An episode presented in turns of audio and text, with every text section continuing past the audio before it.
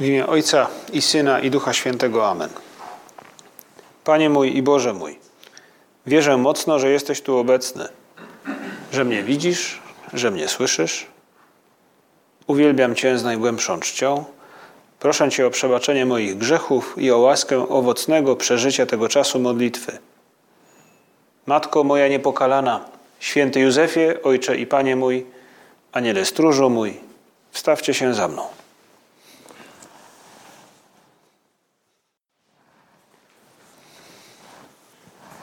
Spogląda na nas Pan Jezus w tabernakulum i zaczynamy tę naszą modlitwę od tego, by sobie przypomnieć, powtórzyć nam samym, także Jemu, który na nas patrzy i który nas słyszy. Powtarzamy sobie, że wierzymy w to, że On tu jest. I wierzymy, że w to, Panie Jezu, że możemy z Tobą rozmawiać tak, jak rozmawiamy z naszymi przyjaciółmi, gdy opowiadamy im o tym, co nam się wydarzyło, co nas e, przejmuje, co nas denerwuje.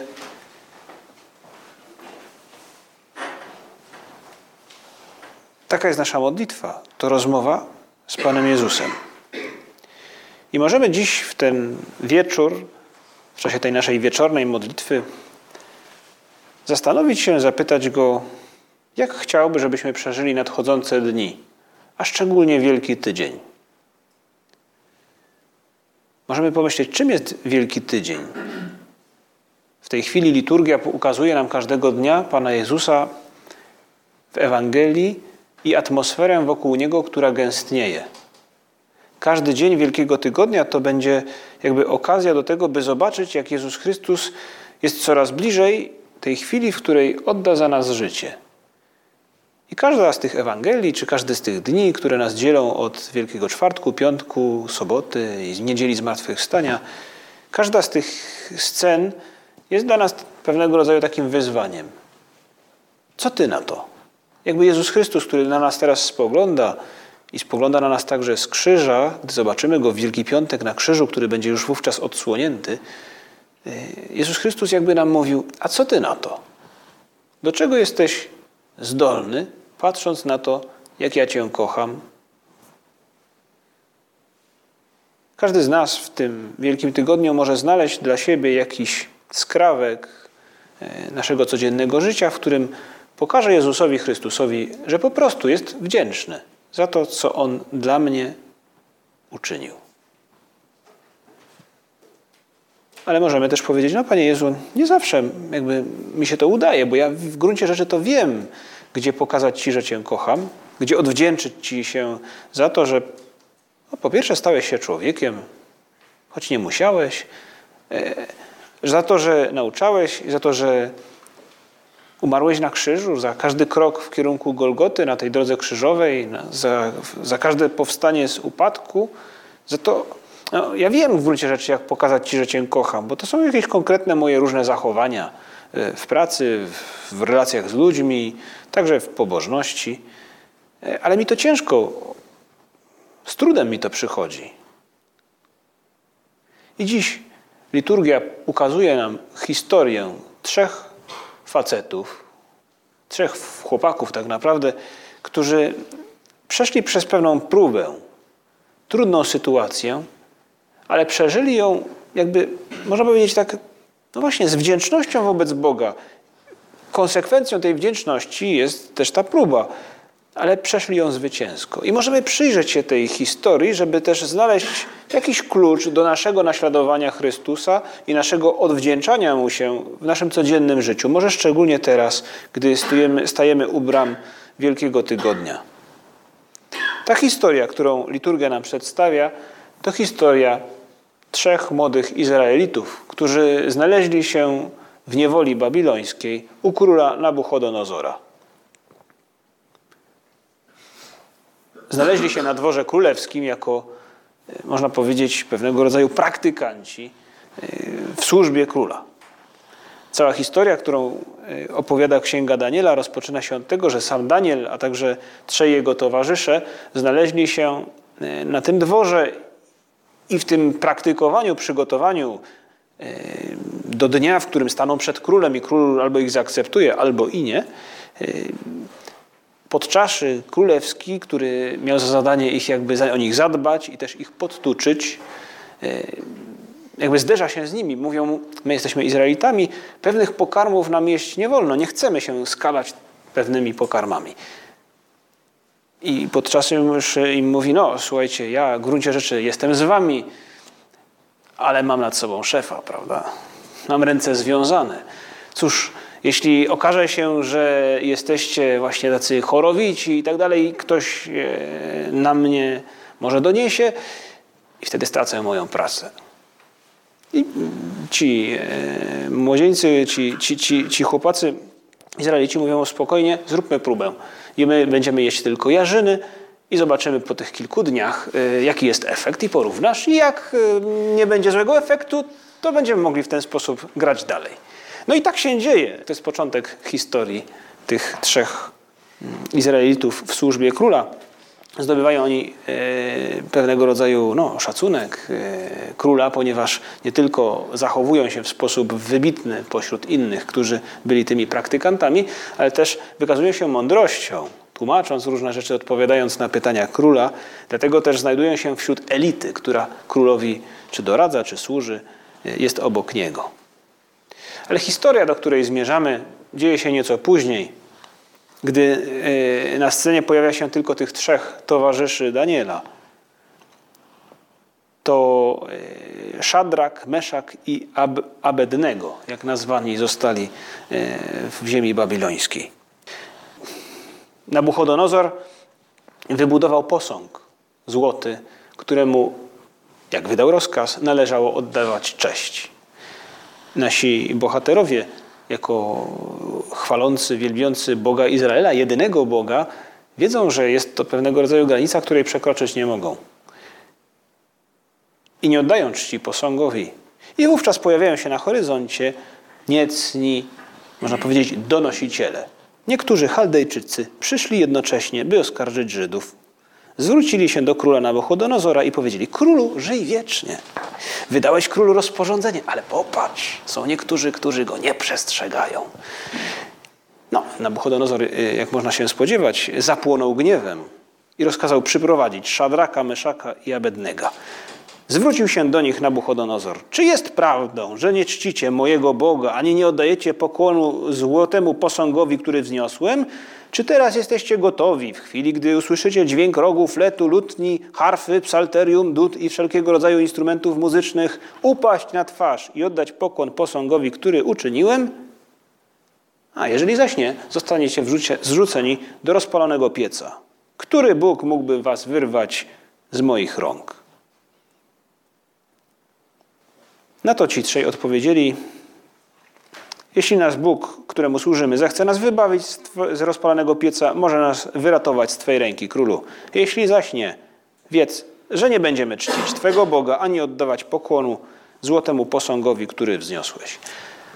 Na to Nabuchodonozor wpadł w gniew, w gniew i w dosyć humorystycznych słowach Księga Daniela opowiada nam, że wyraz jego twarzy zmienił się w stosunku do Szadraka, Meszaka i Abednego. Możemy wyobrazić sobie wyraz twarzy króla Nabuchodonozora, który wpada w gniew, szaleje, miota się, e, bo oto przed nim trzech e, jego służących, którzy nie słuchają jego rozkazu.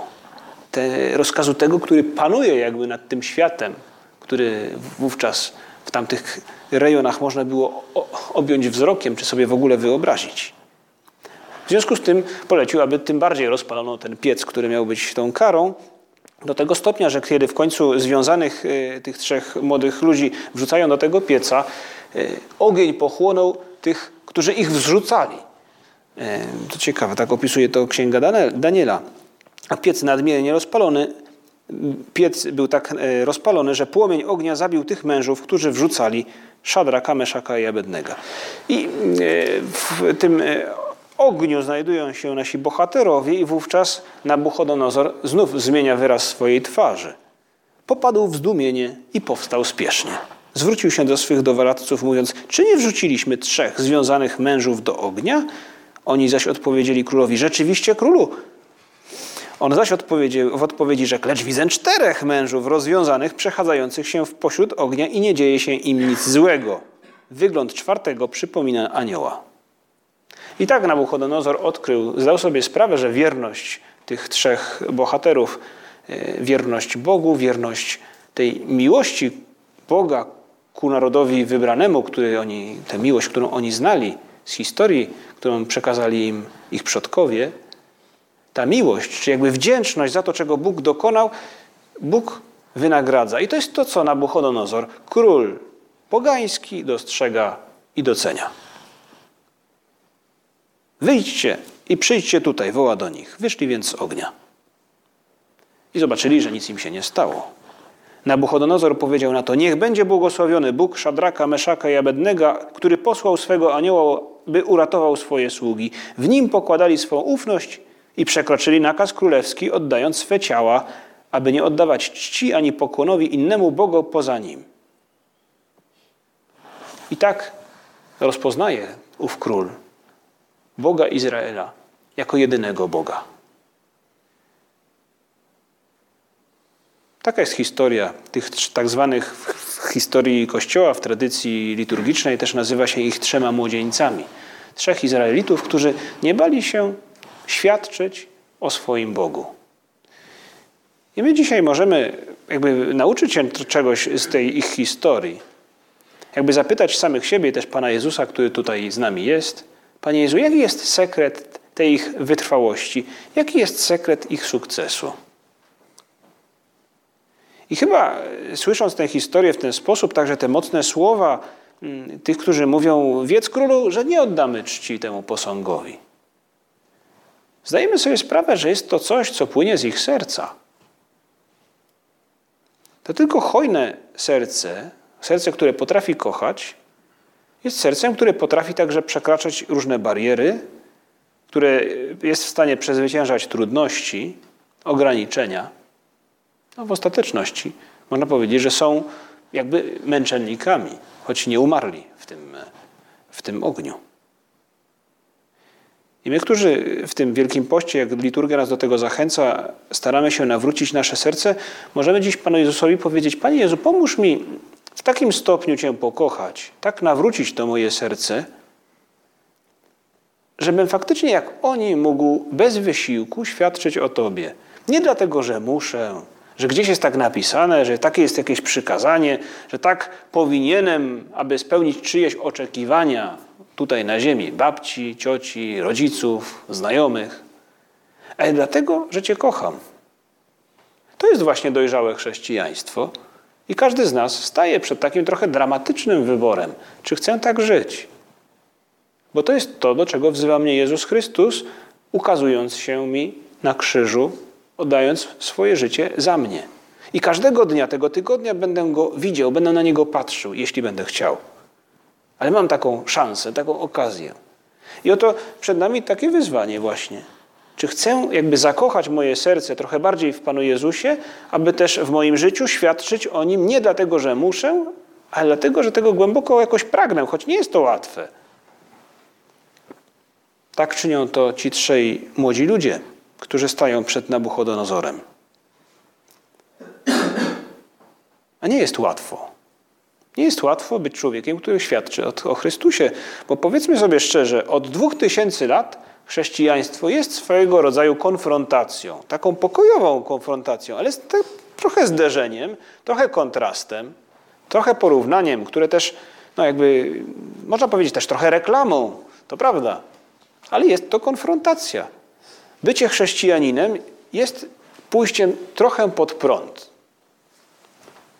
Sam Jezus Chrystus był właśnie taki. Szedł pod prąd. Widzimy to w tych dniach w Ewangelii. To dlatego w ostateczności ten konflikt, który narasta z faryzeuszami, doprowadzi w ostateczności do procesu Chrystusa i do skazania go na śmierć. Nas na szczęście, póki co, nikt na śmierć nie skazuje.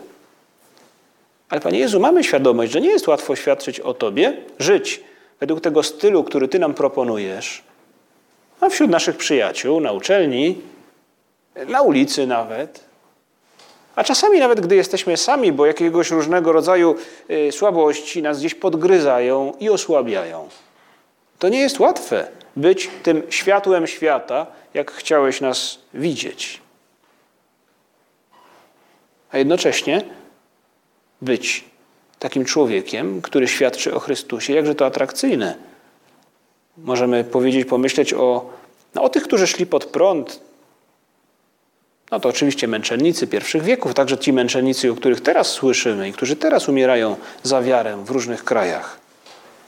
To matka Teresa z Kalkuty, które, która właśnie tą miłością pokazała, że mają wartość ludzie, którzy byli uważani przez wielu za bezwartościowych. To pastuszkowie z Fatimy, którzy na polecenie Matki Bożej mówią światu o potrzebie wynagrodzenia Panu Bogu tych obraz, tych grzechów, których świat, każdy z nas jakby się dopuścił. W czasie, kiedy wszyscy chcą opierać się na własnych siłach. To jest właśnie być pewnego rodzaju kimś, kto idzie pod prąd. O to poprosił Jezus Chrystus, Bóg i tych męczenników, i Matkę Teresę, i tych pastuszków. A nas prosi o to, byśmy szli pod prąd, nie jako, można powiedzieć, buntownicy, ludzie, którzy tylko narzekają. Nie, ale jako ktoś, ktoś, kto wie, że posiada pewien skarb. Skarb, który może dać światło nie tylko nam samym, ale innym ludziom. I tym światłem jest przesłanie ewangeliczne. Bóg stał się człowiekiem. Zaangażował się w nasze życie. Jezus Chrystus, Syn Boży, stał się człowiekiem i dał nam zbawienie. Dotknął zbawieniem każdego aspektu naszego życia. I w związku z tym okazuje nam w ten sposób swoją miłość, i w związku z tym domaga się ta miłość pewnego stylu, pewnej odpowiedzi, który idzie pod prąd zapatrzeniu w samego siebie. No i taki styl właśnie widać u trzech młodzieńców. Nie chcą jeść nieczystych pokarmów, nie chcą oddać czci temu bożkowi, bo zdają sobie sprawę, że byłoby to jakby zbezczeszczeniem tej miłości, którą Bóg ich obdarzył. To jest właśnie pewien gest, który pochodzi z serca. I my możemy wyczuć w sobie czasami pewnego rodzaju kontrast albo takie napięcie pomiędzy tym sercem, które gdzieś bije i kocha Pana Boga, ale też takim poczuciem, że pewne rzeczy, pewne konsekwencje naszej wiary są pewnym albo muszę. I teraz właśnie stajemy przed takim wyzwaniem. Ten Wielki Tydzień, może kolejny Wielki Tydzień w naszym życiu, jest takim czasem, w którym możemy jakby bardziej zobaczyć miłość Boga, żeby bardziej się w Nim zakochać i później przeżywać te konsekwencje naszej wiary w sposób dużo bardziej wolny tak naprawdę, bez tego napięcia, z większym pragnieniem, by powiedzieć Panu Jezusowi: Ja Cię kocham, Panie Jezu, w naszej pracy czy, czy, czy w innych rzeczach, którymi się zajmujemy. Tak święty Josemaria, założyciel Opus Dei, pisze w drodze, w ostatniej myśli tej książki. Jaki jest sekret wytrwałości? To miłość. Zakochaj się, a już go nie opuścisz. I to jest właśnie tajemnica naszego świadczenia o Chrystusie, to zakochane serce. I ten nadchodzący tydzień może być dla nas okazją, by faktycznie zakochać się i go już nie opuścić. Bo możemy zapytać Pana Jezusa, Panie Jezu, no jakie sytuacje czekają na moje świadectwo, tę konfrontację? No są różnego rodzaju konfrontacje. Czasami są takie konfrontacje, można powiedzieć, że ktoś idzie na zderzenie. No nie o to chodzi w życiu chrześcijanina, chociaż może czasami. Mam jednego znajomego, księdza, który czasami właśnie tak postępuje. Gdzieś idziemy razem i mówi, a teraz idziemy ewangelizować. I wchodzi do jakiegoś sklepu czy, czy jakiejś restauracji, mówiąc tak otwarcie, głośno, mówi, szczęść Boże! I pozdrawia wszystkich obecnych. I szczerze mówiąc, ludzie się dziwią i uśmiechają, także widać, że tego rodzaju konfrontacja czasami przynosi też dobre owoce. Ale nie o to e, zazwyczaj chodzi w naszym życiu. Prawda? Nie robimy tych rzeczy, by się afiszować, tym bardziej, żeby jakoś żartować, albo żeby kogoś w jakiś sposób zastraszyć. Nie. Nasza, nasze postępowanie, nasze świadectwo to w gruncie rzeczy miejsca, w których jakby walczymy z naszym ja i pokazujemy innym, że właśnie potrafimy kochać tą miłością, którą posiadamy od Chrystusa, my kochamy też innych ludzi. Na przykład, kiedy pracujemy. Ileż miłości może znaleźć się w chwili, kiedy punktualnie zaczynamy naszą naukę albo postanawiamy nie spóźnić się na zajęcia. Jak łatwo jest spóźnić się na zajęcia. bo mi się nie chce, bo mam coś innego do zrobienia, bo jeszcze się gdzieś zapatrzyłem, albo po prostu się nie zorganizowałem, bo jestem nieogarnięty i, i, i nie trafiłem na ten tramwaj, co trzeba. Ileż miłości można włożyć w tak prosty gest, by złapać tramwaj i znaleźć się w sali wykładowej na czas. Albo kiedy muszę siąść po południu do książek, czy do zadań, czy do komputera, na którym gdzieś pracuję i odłożyć na bok inne sprawy, które chęt, którymi chętnie bym się zajął, ale, ale wiem, że nie, nie jest to to, czym zająć się powinienem. Albo gdy w naszych zajęciach właśnie związanych z nauką czy pracą po prostu jesteśmy dokładni i zamiast zrobić coś po łebkach, staramy się to dokończyć. Albo gdy jesteśmy uczciwi. Uczciwi w, tym, w tej naszej pracy zawodowej, jaką jest nauka, i, i nie ściągamy, nie oszukujemy, nie, jakby nie, nie ma w naszym życiu podstępu. To jest właśnie świadczyć o Chrystusie, bo inni ludzie na nas patrzą, patrzy na nas On i On w tym widzi naszą miłość, choćby nikt inny poza nami tego nie widział, ale inni ludzie patrzą także na nas i zapytują się, dlaczego On tak postępuje. Życie chrześcijanina prędzej czy później przyciąga uwagę. Tak samo matka Teresa z Kalkuty, jak i zwykły, prosty student Politechniki w Warszawie, w Białymstoku, czy w filii Politechniki Warszawskiej, moglibyśmy tu wymienić różnego rodzaju prawda, miejscowości wokół Warszawy. Nie wiem, czy takie w ogóle istnieją, filie zamiejscowe. Praca. To okazja, by kochać Chrystusa. Ale okazją, by kochać Chrystusa jest, są też relacje z innymi ludźmi. To właśnie tam Chrystus, jakby pokazując nam teraz swoją miłość w tych dniach, mówi nam: O, Zachowuj się wobec innych ludzi, kochaj ich tak jak ja. A więc, słuchaj, czasami musisz przebaczyć i przestać się tarmosić, yy, dąsać na kogoś. Bo właśnie, bo to nie jest po chrześcijańsku, bo to nie jest jak ja bym uczynił. Przebacz, zapomnij o tym, opanuj swoje emocje, nie wracaj do tego. To jest właśnie świadczyć o Chrystusie. Albo gdy jesteśmy gotowi, by słuchać kogoś, kto może tak na wejściu wcale nas nie interesuje,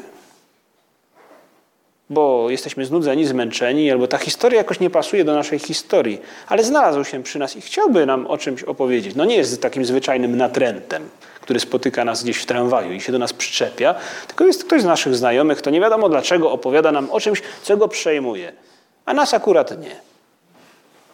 I Chrystus w takiej sytuacji jakby nam mówił, posłuchaj go, Zainteresuj się tym, bo tego wymaga miłość. Świadczyć o Chrystusie to też zastanowić się, jak mówię o innych. Panie Jezu, czasami, gdy mówimy o innych ludziach, zdajemy sobie sprawę, że to nie jest Twój styl. Że gdyby nas usłyszeli, musielibyśmy się już zawstydzić. Gdy potrafimy być krytyczni, gdy czasem obmawiamy, Panie Jezu, pomóż nam zdać sobie sprawę, że to właśnie tam, z miłości do Ciebie, możemy postąpić inaczej. To też szacunek wobec innych, szacunek wobec naszych rodziców, szacunek wobec przyjaciół, szacunek wobec dziewczyny. Są pewne gesty, pewne zachowania, o których można powiedzieć, że no właśnie nie są w zgodzie z tą miłością, do której Chrystus nas zachęca, bo są poszukiwaniem samego siebie.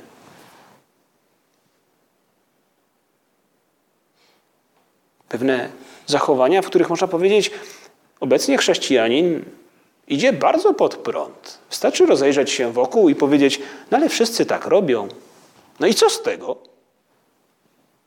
Jezus Chrystus nie patrzył wokół, tylko czynił to, do czego przymuszała go jego miłość jakby wewnętrzna, miłość wobec Boga Ojca i wobec każdego z nas. Gdyby oglądał się na innych, przystanąłby w drodze do, na Kalwarię, albo w ogóle by się tam nie znalazł, wycofałby się z procesu. Do Grójca w ogóle by nie wyszedł, bo nie było po co. Jakże trudno nam, Panie Jezu, czasami właśnie świadczyć o Tobie w tych rzeczach, gdzie idziemy, widzimy, że trzeba iść bardzo pod prąd. I jednocześnie, kiedy nam się to uda, jak wielka to radość dla nas, jak wielkie oparcie dla innych ludzi. Jeden znajomy ksiądz opowiadał mi historię e, z Holandii. Jednego młodego, wierzącego człowieka, który pojechał z narzeczoną gdzieś na jakąś wyprawę, nie wiem czy do, do Indii, czy gdzieś daleko, do Azji. I opowiadał historię, jaką później ten młody człowiek, inżynier, opowiadał mu e, trochę z uśmiechem. Mówił, no pojechaliśmy do, do, do tego przyszłego teścia do, razem z tą narzeczoną, żeby pokazać zdjęcia, opisać, tak to było, opowiedzieć. I ów człowiek, e, ów przyszły teść mówi, mówi, mówi w pewnym momencie, słuchaj, wiesz co, ja wszystko to bardzo piękne, ale jest jedna rzecz, której nie rozumiem. Dlaczego wy na tych wakacjach zawsze mieszkaliście w dwóch pokojach? Przecież to dużo drożej. Poganin ten człowiek, y, całkowicie niewierzący. I ten młody człowiek powiedział, no wie pan co, ja to w gruncie rzeczy tak myślałem, że tak robię, bo szanuję pana córkę. I ten człowiek na niego popatrzył i powiedział, i to mi się podoba. Nie da się ukryć, że jest to i pójść pod prąd. Ale ileż owoców przynosi to w życiu tego młodego człowieka, no tej jego narzeczonej także. Nagle w życiu także tego, można powiedzieć, starego e, z rzędy, tak by też zapaliło się trochę światło. Że nie wszyscy są tacy, którzy, nie wszyscy są takimi, którzy rzucają ręczniki i mówią, a, wszystko jedno. Otóż nie. I w naszym życiu być może pojawią się sytuacje, w których trzeba będzie pójść pod prąd i być może inni spojrzą na nas przez chwilę krzywo. Ale później patrzeć na nas będą z szacunkiem, bo to ktoś, kto potrafi kochać. Kochać Boga, kochać innych ludzi. Pomyślmy o, to, o tym, jak wykorzystać te dni, by zakochać się w Chrystusie i żyć konsekwentnie naszą wiarą, choćby czasem trzeba było iść pod prąd. Jezus może być naszym jakby najlepszym przyjacielem, bez jakby. Ale to wymaga pewnej pracy, pewnego podążania krok za krokiem, zbliżania się do Niego. To nie jest tak, że od razu, choćbyśmy tylko sobie to pomyśleli, to nam się uda. Panie Jezu, zdaję sobie sprawę z tego, że aby być Twoim przyjacielem, abyś Ty był naszym najlepszym przyjacielem, wobec którego wszystkie nasze czyny będą jakby konsekwencją naszej miłości, muszę się do Ciebie zbliżać. Dlatego w tym tygodniu, który dzieli nas od Triduum Paschalnego, potrzebuję jakoś patrzeć na Ciebie częściej, by Cię poznać, by zobaczyć Twoją miłość, by jej dotknąć. Y, muszę patrzeć na Ciebie i się z Tobą jakby zaprzyjaźnić, żeby Cię nie opuścić. Muszę się w Tobie zakochać, aby Cię nie opuścić.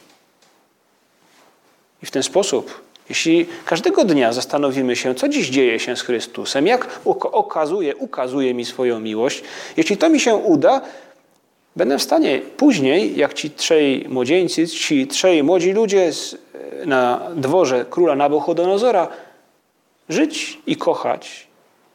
Żyć, czyniąc pewne rzeczy nie z musu, ale z serca. I oto na koniec prośmy też Najświętszą Maryję Pannę Pomóż nam, Matko Nasza, być tak jak Ty. Jak ktoś, kto kocha i z dobrego serca o tym świadczy, bo nie potrafi inaczej, ale jednocześnie jest w pełni wolny i w pełni szczęśliwy. Dzięki Ci składam, Boże mój, za dobre postanowienia, uczucia i natchnienia, którymi obdarzyłeś mnie podczas tych rozważań. Proszę Cię o pomoc w ich urzeczywistnieniu. Matko moja niepokalana, święty Józefie, Ojcze i Panie mój, Aniele stróżu mój, wstawcie się za mną.